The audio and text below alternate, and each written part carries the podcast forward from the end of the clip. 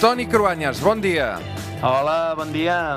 Què tal, Toni, com anem? Déu-n'hi-do quina setmana que hem tingut, eh? Sí, sí, sí, la veritat és que el cap de setmana molt més tranquil que tota la setmana, sí.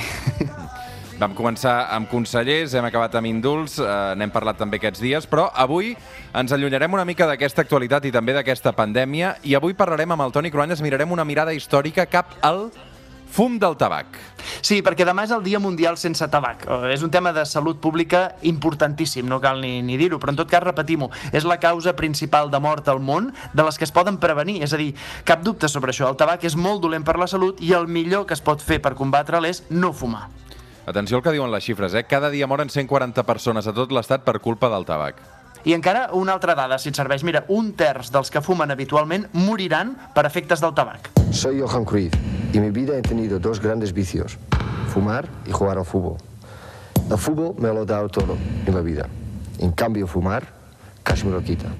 Aquest és l'anunci de fa 30 anys en què sortia el Johan Cruyff. Eh, fins als anys 80 no es va fer públic que fumar era tan, tan dolent, no? Eh, Sí, això que hi havia estudis científics d'Alemanya des del 1920, quan la indústria tan poderosa del tabac ja va començar a tapar-ho per continuar fent diners. És a dir, ja sabien que era dolent, és, és, és molt cínic i fins i tot d'una certa maldat. És increïble si ho mirem amb ulls d'ara, però així és. Avui voldria explicar com el tabac va convertir-se en un fenomen de consum massiu a tot el món, i això que a l'inici no era més que una planta originària de l'altiplà dels Andes, a l'Amèrica del Sud, que els indígenes deixaven assecar al sol i que després enrotllaven amb grans fulles que encenien i que es fumaven. Abans de l'arribada de Colom ja es fumava tabac a Amèrica, també l'esnifaven i el mastegaven, Toni. Un dels mariners que van viatjar a Amèrica amb Cristòfor Colom va ser el primer que va veure indígenes americans que treien fum per la boca i pel nas. Imagineu-vos la imatge i com ho devia veure, l'impacte per algú que no havia vist mai una cosa així. Es pensava que era màgia. Aquesta persona era Rodrigo de Jerez, a qui els indígenes li van deixar provar i va veure que fumar produïa una sensació de plaer, una sensació de benestar. Així que va agafar moltes llavors i plantes del tabac i va tornar de seguida cap a Europa i ho va presentar als reis de Castella. Sí, el que passa és que eh, en un primer moment l'Església Catòlica ho va prohibir, oi?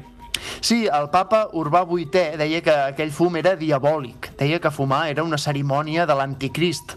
Però amb els temps el mateix Vaticà va canviar d'opinió, sobretot a partir d'un papa, era Benet XIII, que ell mateix era un fumador. Així que eh, el tabac es va anar estenent per tot arreu. Els monarques espanyols van quedar-se aquelles plantes de tabac en principi en exclusiva, però es va anar generalitzant l'ús en els aristòcrates, en els rics. Deien que tenia efectes beneficiosos perquè obria els pulmons, provocava expectoracions i també alleugerien l'asma.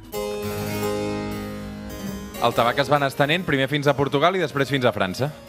L'ambaixador francès a Portugal el va portar a la reina francesa, Caterina de Medici, que estava molt malalta. L'ambaixador es deia Jean Nicot, i en honor a ell es va donar el nom científic a la planta del tabac, que és la nicotina, de Jean Nicot, nicotina. Que recordem-ho, la nicotina dins del tabac és, realment és un verí. La nicotina en concentracions baixes és un estimulant, però també és el principal factor d'addicció al tabac. El tabac no només es fumava, sinó que també s'esnifava pel nas. Explica'm això, Toni. Sí, en pols, en partícules molt petites, s'aspirava pel nas i donava plaer i una sensació de vigor, de força. A les festes de la cort de Castella es va posar ràpidament de moda, però era desagradable de veure com s'esnifava davant de les dames, així que els homes, sobretot quan ho feien, sortien de la festa per aspirar la pols. Per tant, sovint marxaven de fora de les festes amb la seva parella o amb una altra dona, i d'aquí ve l'expressió castellana echar un polvo, que es referien a esnifar tabac pel nas. Però també té el sentit sexual, ja que era un eufemisme que s'utilitzava per desaparèixer dels ulls de tothom amb una dona. Boníssim, perquè és que no, no tenia ni idea d'aquesta història, de- d'això de, fotre un polvo, no? Um, una gran cançó també que sentim ara de, de George Michael per parlar sobre la relació entre el tabac i el sexe, això que ens explicaves, eh?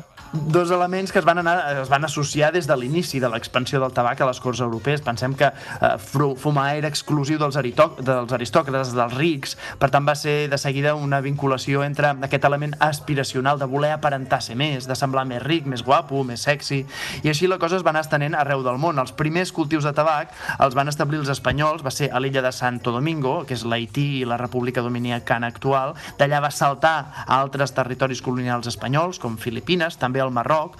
Des del principi el cultiu del tabac es va considerar que era un monopoli de l'Estat i quan es va començar a comercialitzar també es van fer grans impostos, impostos molt elevats, o sigui que el factor negoci es va afegir a l'equació de l'èxit del comerç del tabac de seguida. Fumando espero al hombre quien yo quiero. De fet, el, el tabac en forma de cigarreta va aparèixer al segle XIX, Toni.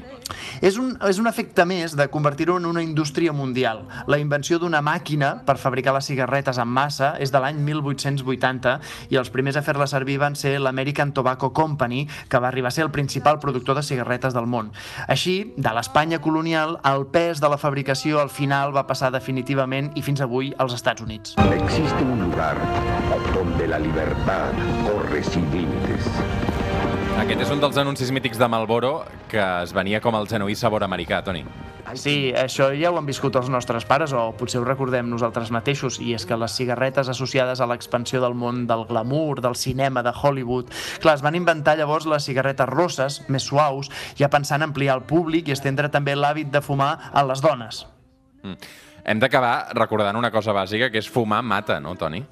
Sí, la primera vegada que es va assumir oficialment que el tabac mata és l'any 1851 a Bèlgica. De fet, va ser un jutge que va determinar que un home havia mort per enverinament, per culpa del seu cunyat que l'havia incitat a fumar i que després ja no havia pogut parar.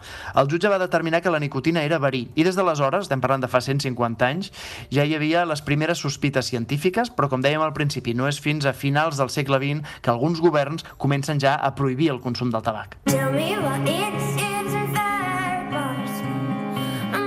Avui amb el Toni Cruanyes arribarem fins les 9 del matí amb aquesta cançó de Russian Red que es diu Cigarrets. Toni Cruanyes, bon diumenge, gràcies. Vinga, que vagi molt bé.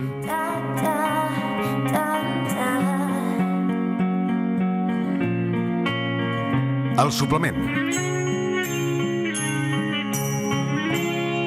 Amb Roger Escapa.